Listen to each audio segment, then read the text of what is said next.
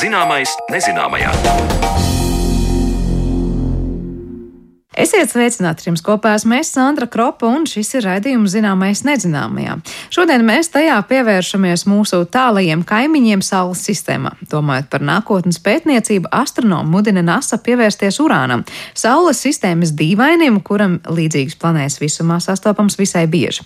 Šodien skaidrosim, ko zinām par urānu un kāpēc šīs planētas izpētes sniegtu pienesumu astronomijai. Tam pievērsīsimies raidījuma otrajā daļā, bet pirms tam skaidrosim, kāpēc Plutonu izmeta no Saules sistēmas sistēmas planētu pulciņu.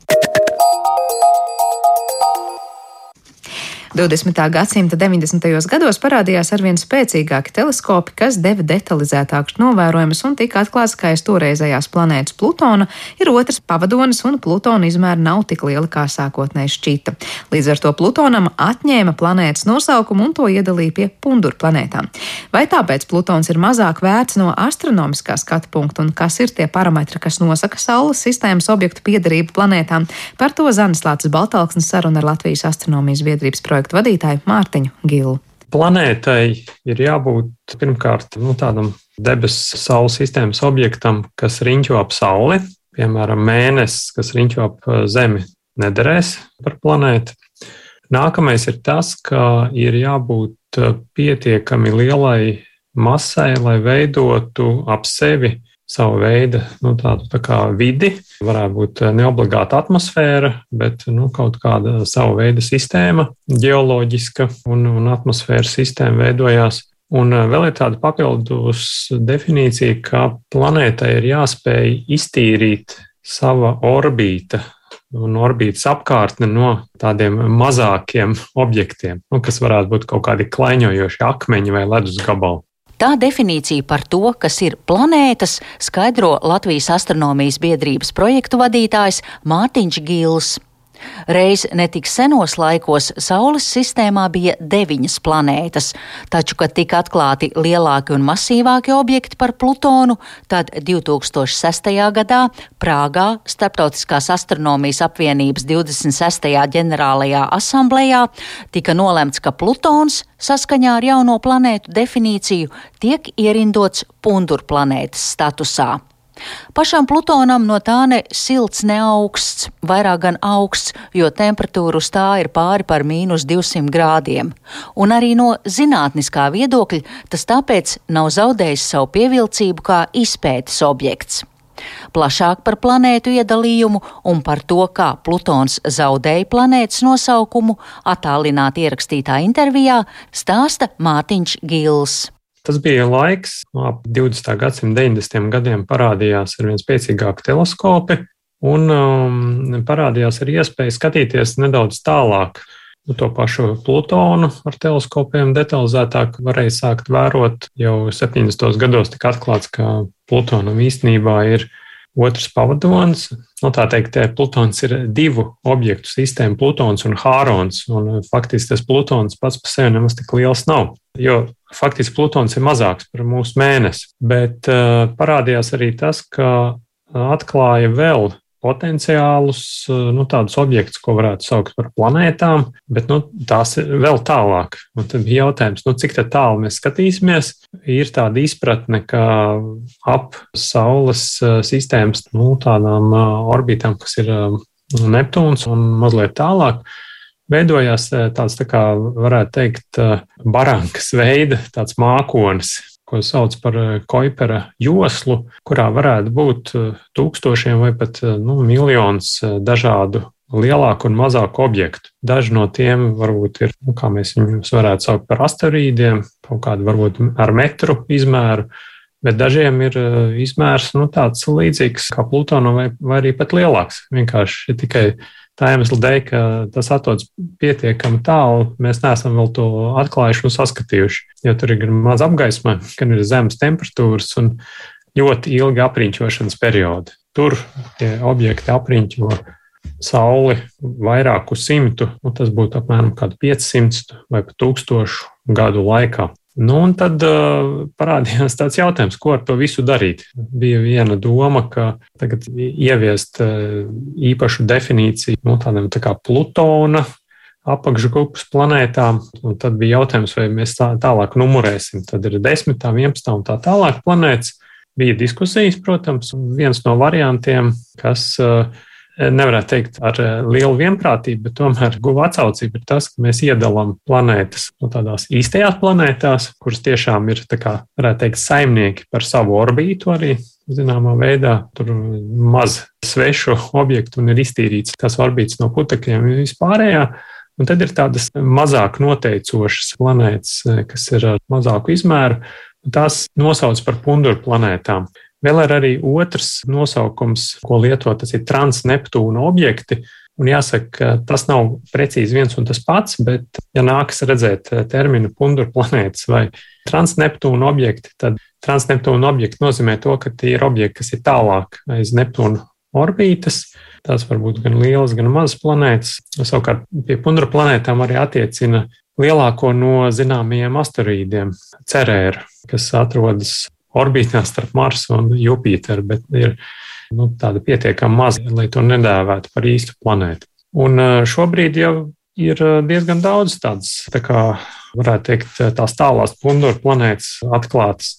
Dažām ir nosaukumi, dažām nav. Nu, tie dotie nosaukumi, daži ir vienkāršāki, daži sarežģītāki.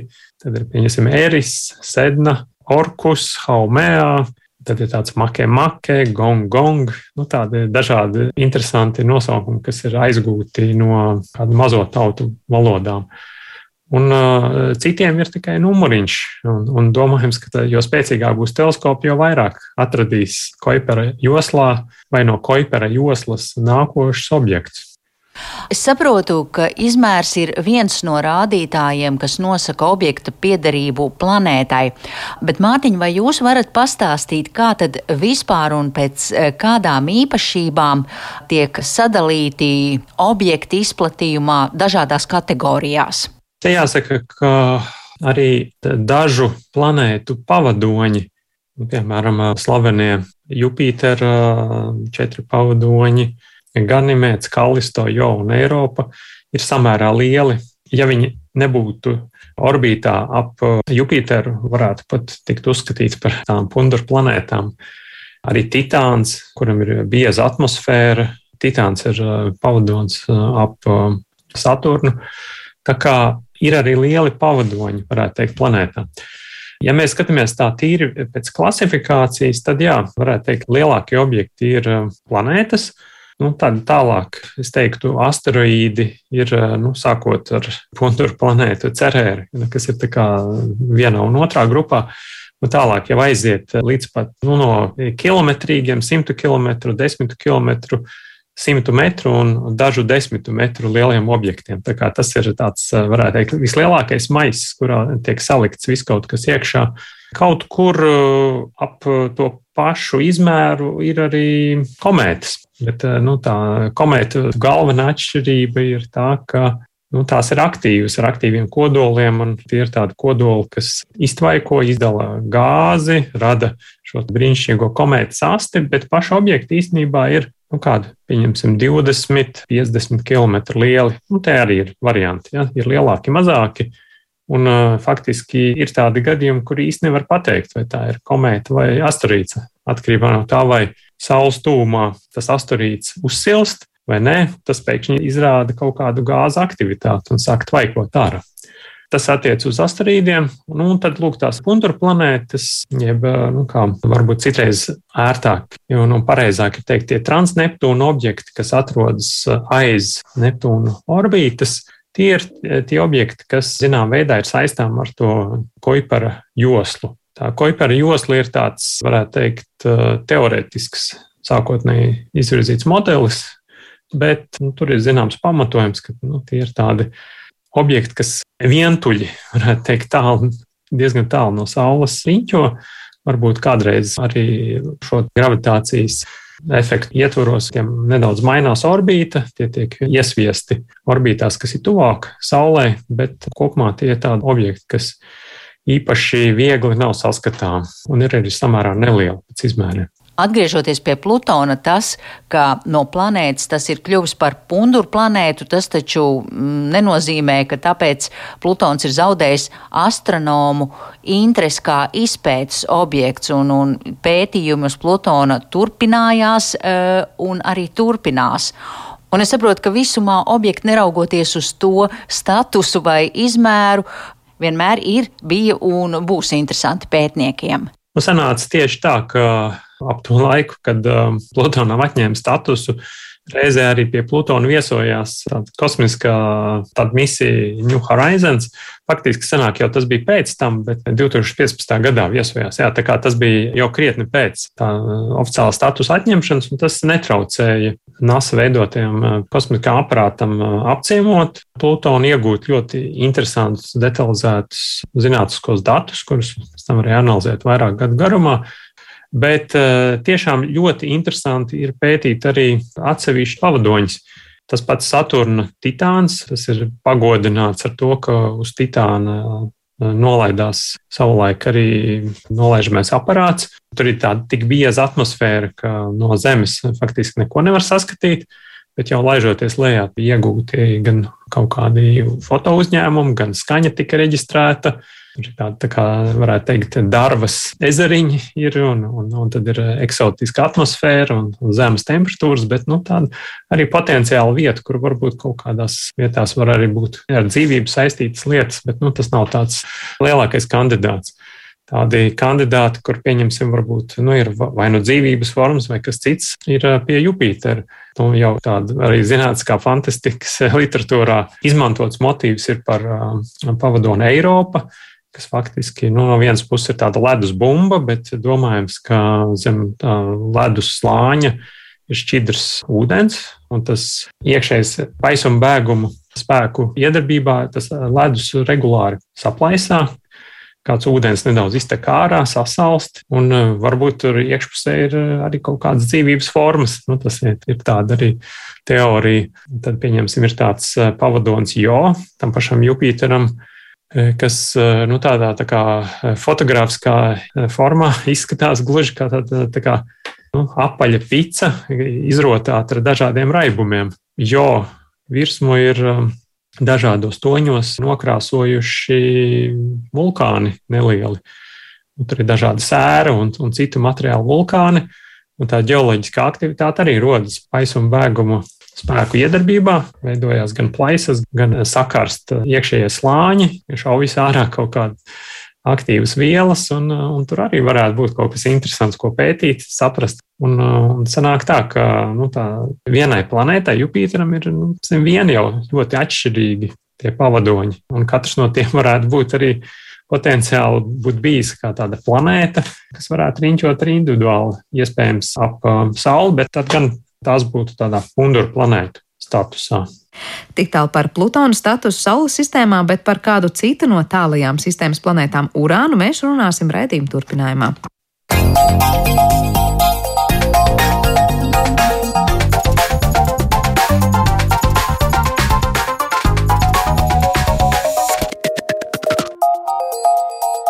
Zināmais nezināmajā.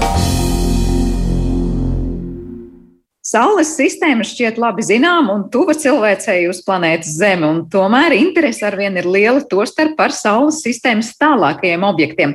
Turpmākajās minūtēs mēs iepazīsim urānu, Saules sistēmas milzi, kas līdz šim par maz saistīs kosmosa nozars interesi. Tā vismaz uzskata astronomi Amerikas Savienotajās valstīs.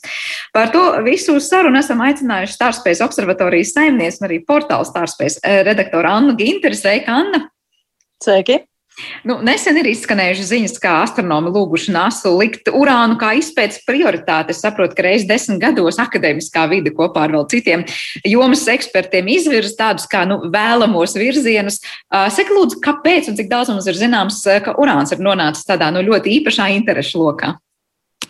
Jā, interesanti, ka pagājušajā balsojumā, kas bija pagājušajā desmitgadē, urāns zaudēja Marsam un Jupiteram. Uh, Nu, un, attiecīgi, tad mums šogad ir Marsa Pathfinder misija un ir Juno misija, kas pēti Jupiteru. Un šajā balsojumā, kas noslēdzās šī gada aprīlī, pašā priekšgalā ir izvarzījies urāns, jo nu, urāns ir kop, principā kopš urāna atklāšanas tā tūplānā ļoti tūp. No, vien, ir bijis tikai viena misija, kas ir pabraukusi garām urānam, un tas ir Voyager 2. un sešu stundu laikā tika iegūts ārkārtīgi daudz informācijas. Bet pēc tam, nu, cik mēs esam spējuši ar teleskopiem no Zemes un ar Hubble teleskopu, tas ir arī viss, ko iespējams iegūt, kādu informāciju iespējams iegūt par urānu. Un urāns ir ļoti, ļoti interesanta planēta. Varētu teikt, ka daudzkārt varbūt pat interesantāks par Neptūnu, kas ir tālākā planēta šobrīd zināmā Saules sistēmā. Un tāpēc ir gluži labi saprotams, kāpēc arī jā, zinātnieku sabiedrība vēlētos, lai kādu misiju nosūtu uz šo planētu. Jā, mēs tūlīt parunāsim par to, kādas varētu būt šīs misijas, bet kāpēc urānam ir bijušas nu, tik ļoti maz varbūt uzmanības veltīts, jo tu minēji arī to pabraukšanu garām ar Voyager 2, un tas, es saprotu, ir 80. gados vispār noticis, ja fakts līdz ar to, nu, tāda pamesta novārtā planēta, ja tā var teikt. nu, Neptūns ir tikpat pamests. Nu, abas divas ir pietiekami tālu planētas un grūti līdz viņām nokļūt. Un arī šajā gadījumā, ja arī kāda misija tiktu izvē, izvēlēta, tad principā šai misijai jau būtu jāsāk veidoties un būvēties aparātiem jau nevēlāk kā 24. gadā. Un startam būtu jānotiek 30. gadu sākumā, 31. un 32. gads kad ir tāds labvēlīgs planētu stāvoklis, kad varētu izmantot Jupitera gravitāciju, lai līdz urānam aizlidotu daudz efektīvāk. Un tad, ja 30. gados pašā sākumā startētu, tad mēs varētu sagaidīt ierodamies urāna sistēmā jau pēc kādiem 12, 13 gadiem. Ja šis starts nenotiks 30. gadu sākumā, tāpēc tam būs jau krietni sarežģītāk šī manevrēšana būs jāizmanto Zemes un Venēras gravitācija, lai sasniegtu urānu. Tā kā tās tālās planētas principā ir sarežģītas dēļ tā, ka viņas ir tālu, līdz viņām ir sarežģītāk nokļūt. Un līdz šim, protams, ka mūs daudz vairāk interesē tuvās planētas, gan tādēļ, ka tās ir vieglāk izpētāmas, gan arī īpaši Mars, kas nu, ir potenciāli nākamā planēta, uz kuru cilvēks varētu spērt savus kājas. Un, pārējās planētas mēs gluži labi saprotam, ka nu, neviena no tām nekļūs par tādu potenciāli pastāvīgu bāzi kaut kad vismaz nu, tuvākā pārskatāmā nākotnē. Bet nu, urāns no zinātniskā viedokļa un, un Saules sistēmas veidošanās izpratnes viedokļa ir ārkārtīgi interesanta planēta. Kas ir tie galvenie jautājumi, kurus noteikti gribēsies atbildēt zinātniekiem par šo planētu? Nu, ļoti interesants ir šīs planētas asas novietojums. Šobrīd ir vairākas hipotēzes. Viena no vadošajām hipotēzēm ir tā, ka urānā pašos saules veidošanās pirmsākumos ir ietriecies liels objekts, tāds kā planēta Zeme aptuveni, un sagāž šo sāņus. Jo, ja visām planētām centrālā rotācijas asa ir daudz maz vertikāli vērsta attiecībā pret ekliptikas plakni, tātad pret plakni, kur riņķo, mēs kā tādi vilciņi griežamies apkārt Saulē, tad principā urāns ir sagāzts sāniski un ass ir vērsta ekliptikas plaknes virzienā. Un vairāk varētu teikt, nu, dažreiz salīdzina ar bumbu, kas ripo, vai ar alus muciņu, kas ripinās apkārt Saulē. Un, un tas ir tāds, nu, pilnīgi, pilnīgi pretēji kā visas pārējās planētas Saules sistēmā. Un arī e, šī griešanās ap savu asi ir tāda pati kā Venērai, kas griežās e, pulksteņa rādītāja virzienā, nevis kā pārējās planētas pretēji pulksteņa rādītāja virzienam. Un ar Venēru arī tiek uzskatīts, ka savulaik ir kaut kas ietriecis šajā planētā un burtiski viņu uh, iegriezis pretējā virzienā. Tā kā iespējams, ka šis varētu būt viens no tiem jautājumiem, kur varētu mēģināt atbildēt. Un arī tas uh, ir daļēji iespējams saistīts ar to, kāpēc uh, urāns ir tik augsts. Tā atmosfēras temperatūra, kas tiek konstatēta, ir līdz šim augstākā Saules sistēmā, ap mīnus 224 grādi. Un tā hipotēze par to, ka kādreiz kaut kas ietriecies tajā pirmotnējā urānā, ir tas, ka šī trieciena rezultātā šis pirmotnējais siltums, kas radies tai planētai veidojoties, ir izsviests kosmosā, un tā planēta ir salīdzinoši augsta. Un iespējams, ka tas ir arī iemesls, kāpēc mēs konstatējam šīs ļoti zemās temperatūras, bet tikpat labi tas varētu būt saistīts ar kaut kādu īpašu slāni, kas eh, atrodas kaut kur urāna atmosfēras tajā tajos slāņos, kas neļauj šim siltumam no centrālās daļas, no kodola izkļūt ārpusē. Tā kā šis varētu būt viens no tiem jautājumiem, kas palīdzētu saprast, nu kā tad īsti pirmkārt urāns ir veidojies, vai ir bijis šis trieciens, vai nav bijis šis trieciens. Uh, pavadoņu izpēti, kas varētu būt viens no mērķiem, jo Voyagers otrais paspēja apskatīties tikai Mirandu, uh, kas ir viens no Jupitera pav urāna pavadoņiem, bet pārējie pavadoņi nebija tā redzeslokā. Tā, tā būtu iespēja papētīt tālu šos pavadoņus, jo tiek uzskatīts, ka tie iespējams arī ir līdzīgi šiem te Enceladam, Eiropai, kur augšā ir ledus garoz un apakšā varētu būt potenciāli okeāns.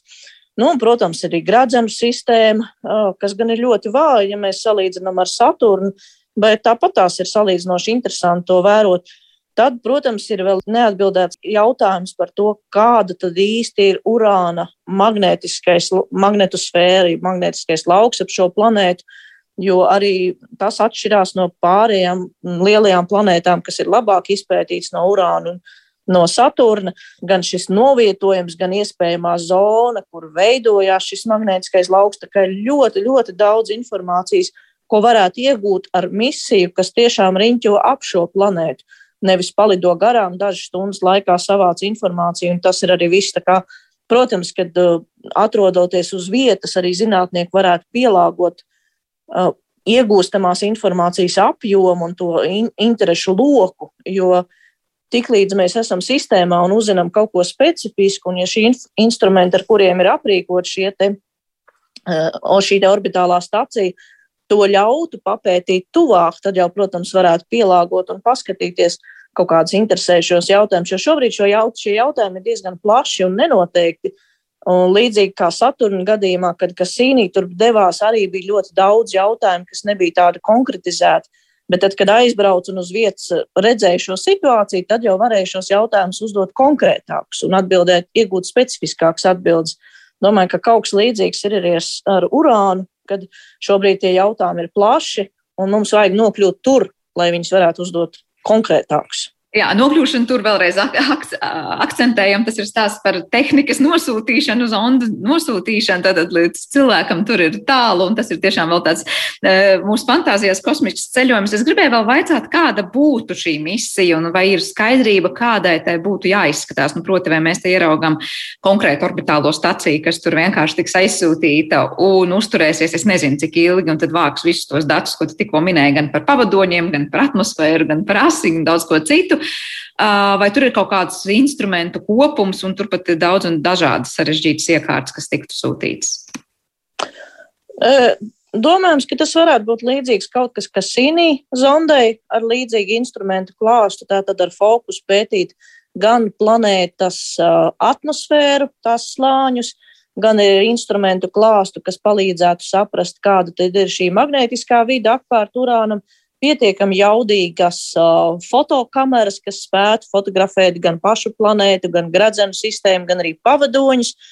Un uh, domāts ir arī potenciāli par zondi, kas varētu ielaisties iekšā uh, urāna atmosfērā. Nu, protams, tā kā viņi laistos tikai vienā virzienā bez atpakaļ atgriešanās, tad tā informācija no tās zondes nāktu tikai tik ilgi, kamēr viņi tiktu iznīcināti šajā atmosfērā. Bet plāns tāds ir, ka tuvāk saprast šos vismaz augšējos atmosfēras slāņus, varbūt dažu simtu kilometru dziļumā, paskatīties, kāda ir šīs ķīmiskais sastāvs, kādas tur ir temperatūras, kā mainās šis ķīmiskais sastāvs kodola virzienā. Un tad tas, tas varētu būt vēl viens instruments. Bet, jā, pamatā tā būtu zonda, kas riņķotu vairākus gadus, potenciāli pat varbūt ilgāk nekā piecus, varbūt pat desmit gadus. Viss atkarīgs no tā, cik daudz enerģijas pietiks uh, ap šo planētu, un pēc tam attiecīgi sūtīt šos datus atpakaļ uz Zemi. Tu pieminēji arī pirms brīža šo līdzību ar, ar, ar blakus esošo planētu pavadoņiem, proti, vai no astrobioloģijas puses, tā tad arī konkrēti uh, urāna pavadoņi ir tie, kas ir izrādījušies tādi ļoti interesanti un zem kuriem mēs varētu, var teikt, zem kuru ledus mēs to okeānu varētu meklēt un ko tur ieraudzīt. Cik ļoti lielā mērā tieši no astrobioloģijas ir svarīga šī misija un kas būtu tie galvenie izpētes objekti? Un šobrīd tiek vairāk domāts par Mirandu, jo par to vienīgā, tas tā ir vienīgā, vienīgais pavadonis no urāna 27 pavadoņiem, par kuru ir vismaz kaut kāda informācija daudz maz zinām. Un šajās Voyager divi uh, fotografijās redzams, ka šī virsma ir uh, tāda um, salauzīta, uh, def, fragmentēta, deformēta. Un, ja agrāk to uzskatīja, kā, kas, ka iemesls varētu būt tas, ka šis pavadonis ir laika gaitā atdzisis un tāpēc ir tāds salauzīts, bet mūsdienās vairāk sliedzas domāt, ka tas ir sava veida kā, uh, deformācija no iekšienes, kad iekšpienē šim pavadonim joprojām ir kaut kāds siltums, kurš uztur šo šķidro slāni un tiek domāts, ka iespējams arī tur ir šie ledus vulkāni, jeb kriovulkānisms, kad šī te, uh, ledainā masa tiek izstumta ārā uz virsmas un veidojas tādas svaigāki kaut kādi laukumi. Bet, protams, šos jautājumus varēs atbildēt tad, kad uh, šī zonda nokļūs tur. Šobrīd šī informācija ir pārāk uh, maza lai varētu spriest, vai tiešām no astro, astrobioloģiskā viedokļa šie pavadoņi ir interesanti. Bet potenciāli, jā, šie lielākie pavadoņi, kas atrodas tuvāk urānam, varētu būt tādi, kur tīri teorētiski ir šis te. Uh, cietais kodols, ap kuru apkārt ir kaut kāda uh, šķidrāka masa, ledus, uh, ūdens okeāns kaut kāds, un kur atkal ieskauj šī ledus garoza. Protams, ir, būtu jāizbrauc tur, lai šo informāciju precizētu, jo šis ir viens no tiem jautājumiem, kuru nevar atbildēt ar tiem teleskopiem, kas šobrīd ir mūsu rīcībā, jo tie objekti ir pārāk tālu un pārāk maziņi, lai viņus varētu pietiekami detalizēti izpētīt. Jā, un izklausās, ka darāmā tur vēl ir daudz. Un starp citu ir interesanti, ka nu, šis desmitgadus, ja tā var teikt, vēlmes, kas ir izteikts, kas būtu jāpēta, līdz ar šo urānu, par ko mēs šodien runājam, Saturna pavadonis Encelāts arī ir tas, kurš tiek minēts, nu tad uzreiz pēc tam tā misijas, kāda cita būtu plānota uz, uz šo pavadoni. Vai tas nozīmē, ka tie interesējošie jautājumi ir vairāk vai mazāk līdzīgi? Proti, mēs atkal vēlamies doties uz vietu, kur tieši no astrobioloģijas skatu skatu punkta gribas atrast kaut kādas atbildes uz tiem dzīvības jautājumiem? Jā, varbūt tas tā arī ir saistīts, jo arī Eiropas misijas, kas ir tuvākajā nākotnē plānotas uz Jupitera pavadonu Eiropu, arī ir saistīts ar šiem pašiem jautājumiem, ar potenciālo vidi, kas varētu būt iekšā šajos pavadoņos, tātad potenciāli ar kaut kādām ūdens rezervēm un, un siltumu, kas veidojas šiem pavadoņiem deformēties. Tā kā jā, iespējams, ka mēs esam no Marsa pārgājuši uz tālākām vietām ar potenciāli dzīvībai pat labvēlīgākiem apstākļiem, uh, jo nu, Marsu mēs esam urbuši un rakuši jau pietiekami ilgu laiku, un līdz šim tā arī nav izdevies atrast nu, vismaz kaut kādas aizdomas par to, ka tur varētu būt bijis kaut kas dzīvībai līdzīgs mm, tuvākā vai tālākā pagātnē. Un iespējams, ka tas ir tāds mēģinājums pārslēgties uz cita veida objektiem, un, un meklēt atbildes uz to, vai dzīvība varētu pastāvēt šādās vietās, vai tā vide ir piemērota dzīvībai un cik viņa ir stabila. Tā kā jā, iespējams, ka urāna gadījumā tas varētu būt viens no jautājumiem, jo mums nu, līdz šim mēs nevaram pateikt, vai, vai ir pamats vispār uzskatīt, ka uz šiem pavadoņiem ir tāda vide. Tā ir tikai teorija. Praksē mums īsti nav tāda pierādījuma. Kas liktu domāt, ka tā tiešām ir. Tā tas būtu jāizbrauc un jāizpēta. Bet Encelāda misija noteikti, jā, mums jau ir pietiekami daudz faktu, kas liecina par to, ka tur ir šķidrs ūdens apakšā zem šīs ledus garozes. Un Encelāda gadījumā liels bonus ir šīs te plaisas, kas paver tādu tā tiešu skatu uz šo vidi iekšienē.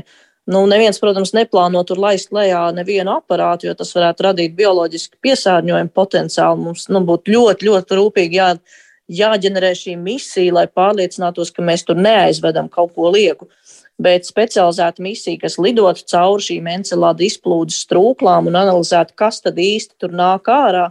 Nu, tā, tā ir arī viens no veidiem, kā uzzināt uh, atbildes uz šiem dzīvības jautājumiem.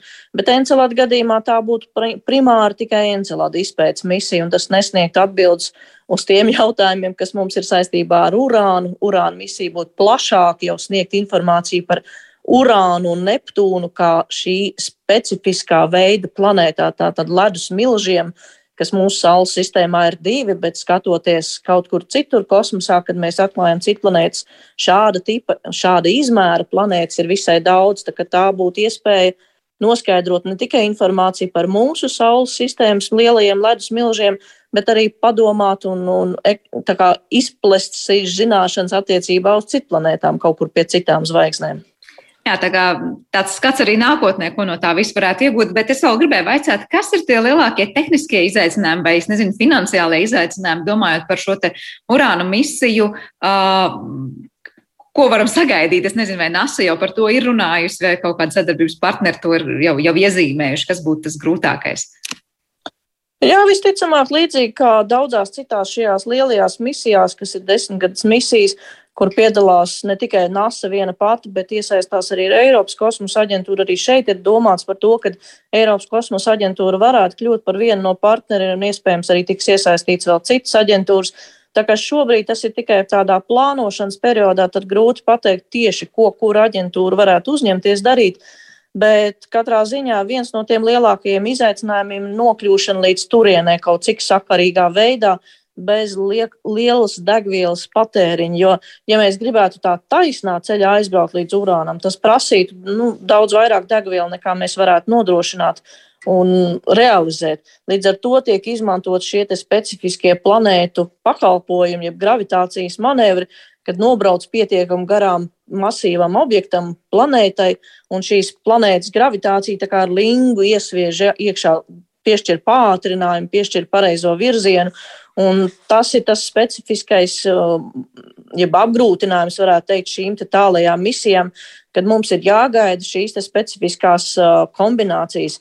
Jo, ja Jupiters un Saturns varbūt vēl ir tuvāki, un tur var sagaidīt, ka iestājas kaut kāds sadarbība ar Marsu, jo tie ir tuvāki, tad nu, Urāna gadījumā uh, mums ir jā, jābūt kaut kādām specifiskākām kombinācijām, tas ir tas, ka 30. gadu sākumā būs iespējams izmantot Jupiteru, un ja Jupitera izdevība netiks noķerta, tad pēc tam jau tas manevrs būs krietni sarežģītāks. Un tas nozīmēs, ka ceļš līdz Urānam būs nedaudz ilgāks nekā tie plānotie 13 gadi Jupitera gadījumā. Nu, un, protams, arī enerģijas ieguve. Tādā attālumā nekāda saules paneļa tur nav iespējama. Tur ir jāņem līdzi uh, radioaktīvā degviela, uz kuru pamata viss darbosies, nu, tad tas arī ir ierobežojums, cik ilgi mums pietiks rezerves, lai cik ilgi misija iespējams nodrošināt. Nu, tad, tad ir jāskatās, kā, kā tas tiks realizēts. Jo, nu, tā gaisma, kas nokļūst līdz urānam, jau ir krietni, krietni vājāka nekā tā, kas ir pieejama pie uh, Marsa vai pat pie Jupitera, kur teorētiski vēl var darbinātu, izmantojot saules enerģiju. Tālākām planētām pagaidām mums nepietiek. Mm, Nepietiek zināšana, lai uztaisītu tādu misiju, kas varētu izmantot tikai saules enerģiju. Nu, tā tad ir skaidrs, ir viens, ka tur izaicinājumi netrūks, bet es saprotu, ka Ilons Masks tiek minēts kā viens no potenciāliem sadarbības partneriem, lai veiktu šo misiju. Kād, ar ko tieši Ilons Masks šoreiz ar savām Falkonu raķetēm tiešām būtu nu, tas, kurš varētu palīdzēt ar kaut ko? Mm, jā, ja tā kā tā ir tālā misija, tad noteikti ir jābūt ļoti jaudīgam, nes, jaudīgam nesējam. Nu, tad mums nu, tādi jaudīgie nesēji nemaz tik daudz piedāvājumā uz Zemes šobrīd nav. Tā ir Eiropas kosmosa aģentūra ar savām Ariāna raķetēm lielajām, kas potenciāli tu, trīs to gadu sākumā varbūt jau būs Ariāna 6, nu, ja ne, tad ir Ariāna 5, kas joprojām nodrošina šos tālo misiju pacelšanas manev manevrus. Nu, tad, protams, jā, ir Ariāna uh, Elona Maska, uh, Falkons, uh, kas ir smagā Falkona 9 raķete. Nu, tas ir tāds kā nesēja pakalpojums, jā, ko varētu nodrošināt. Nu, protams, ka šī, šī sadarbība ir izdevīga gan NASA, gan arī pašam Maskam, tādējādi arī turpinot piedāvāt savus pakalpojumus. Un, un līdz šim šie pakalpojumi viņam ir nu, salīdzinoši veiksmīgi. Nevarētu teikt, ka tā būtu raķete, kur būtu ar sliktu slavu. Tā kā es domāju, ka jā, nu, tas ir viens no potenciālajiem risinājumiem, kā nogādāt šo te mm, orbīt, pietiekamā orbītā ar pietiekamu pātrinājumu šo potenciālo urāna izpētes misiju. Kad taps zināms, vai tas, ko ir izteikusi akadēmiskā sabiedrība un eh, jomas eksperti, ka tas būtu jāpēta un NASA pasaka, jā, mēs tomēr tur dodamies un, un, un veidojam šo misiju, cik ilgā laikā mēs vēl dzīvosim tādā neziņā, nu būs vai nebūs, paspēsim vai nepaspēsim tajā 30. gadu sākumā kaut ko palaist. Uh, nu, lai varētu realizēt šo misiju, nu, bija teikts, ka vēlākais 2024. gads kad sāks šī gada finansiālā apspriešana, NASA budžeta plānošana, līdz tam laikam būtu jāizlem, ka jā, kad šis finansējums tiks piešķirts un, un tas ir pēdējais brīdis, kad šo misiju varētu sākt arī būvēt un, un veidot šos instrumentus, kas ir iekļaujami, kā arī visu pārējo kosmisko aparātu. Nu, līdz 2024. gada sākumam būtu jābūt apstiprinājumam, būs vai nebūs vēlākais. Jo, ja vilks ilgāk, protams, tad ir skaidrs, ka uh, nu, būs jāve, jāveic krietni sarežģītāks manevrs, un šis te mm, izpētes izpētes veids misija kļūst dārgāk. Ja, ja mēs varētu izmantot Jupiteru, tad, tad tas ir nedaudz lētāk nekā tad, ja tas ir sarežģītāks un ilglaicīgāks manevrs. Jo, protams, ilglaicīgākā misijā jāsaprot, ka misija jāsāk uzturēt jau kopš tā brīža, kad tā startē, tie ir cilvēki, tas ir uh, kaut kāds komunikācijas laiks, kas jānodrošina, jo šīs tālās misijas izmanto tālo kosmosa sakaru tīklu, kurām ir šīs specifiskās antenas vairākās vietās uz zemeslodes un tiek atvēlēts konkrēts laiks katrai misijai. Tā kā, nu, ja misija ir ilgāka, tad tas ir finansiāli dārgāks pasākums, kā mēs labi zinām arī Džeimsa Veba gadījumā. Tas izvērtās par nu, šobrīd man šķiet visdārgāko astronomijas objektu izpētes misiju vispār civilizācijas vēsturē.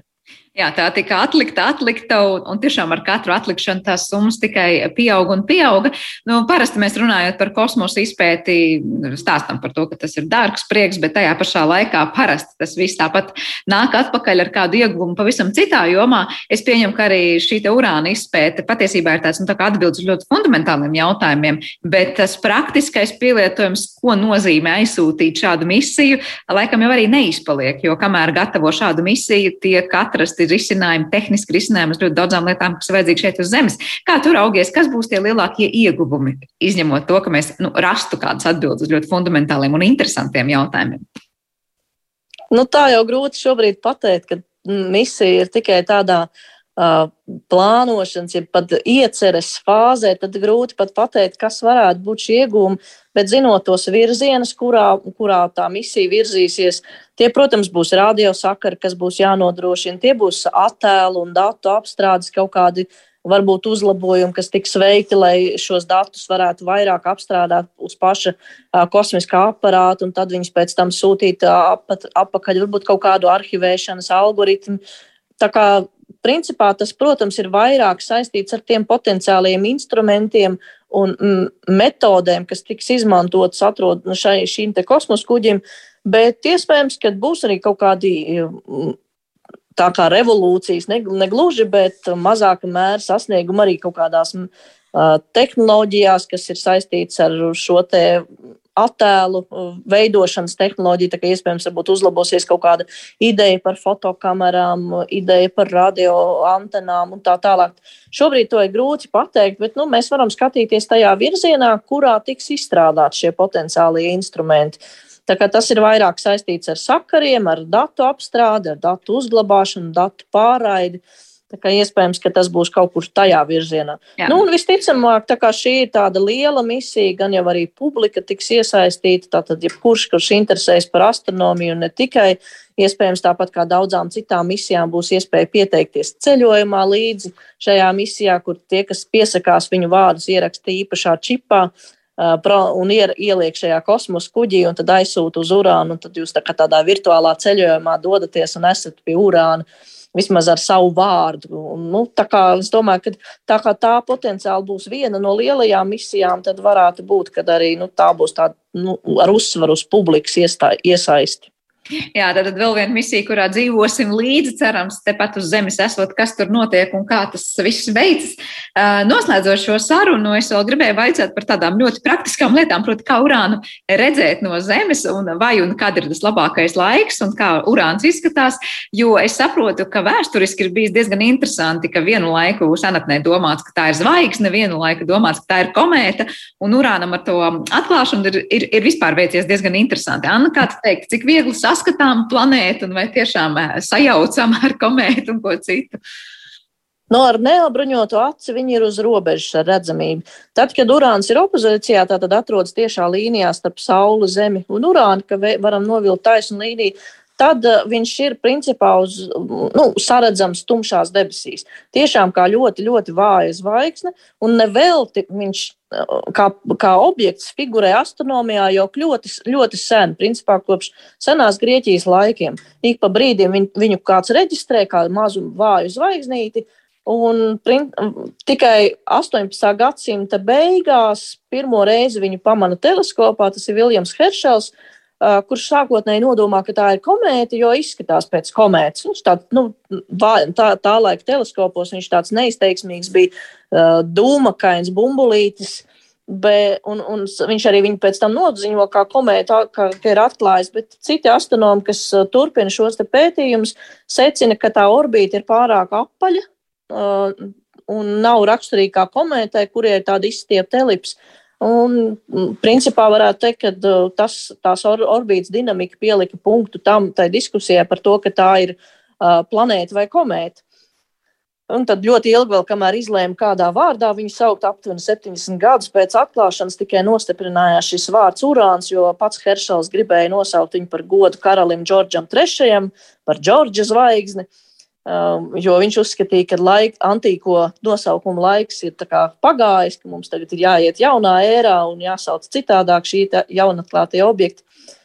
Bet mūsdienās vislabāk ir skatīties ar binoklu vai ar teleskopu var pat ar nelielu teleskopu jau ieraudzīt, un arī binoklis, tad, kad ir tā pati opozīcijas laiks, kad ir tā vistuvākais attālums, tad redzēsiet kā tādu nu, vāju, vāju bumbulīti, pavisam maziņu, bet teleskopā jau var nojaust šo toni, tāds zilgan pelēks, viņš ir nedaudz, ja mēs salīdzinām ar Marsu, kas ir izteikti sarkans, un Neptūns ir zilāks, tad tāda maza, maza bumbiņa.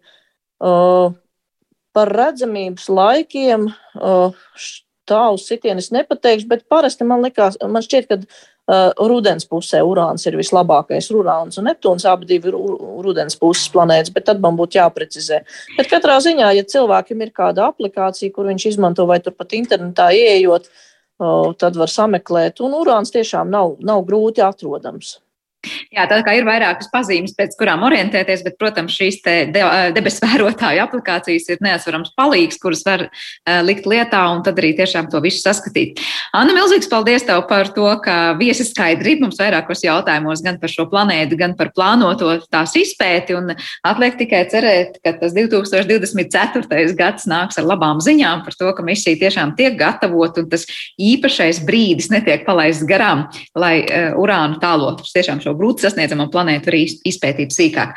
Atgādināšu, ka Suntažu observatorijas Starspace saimniece un šī paša Starspace portāla redaktora Anna Ginterbiera mums kopā šajā raidījuma pusstundā ar to raidījums ir izskanējis. Paldies visiem par klausīšanos un uz tikšanos!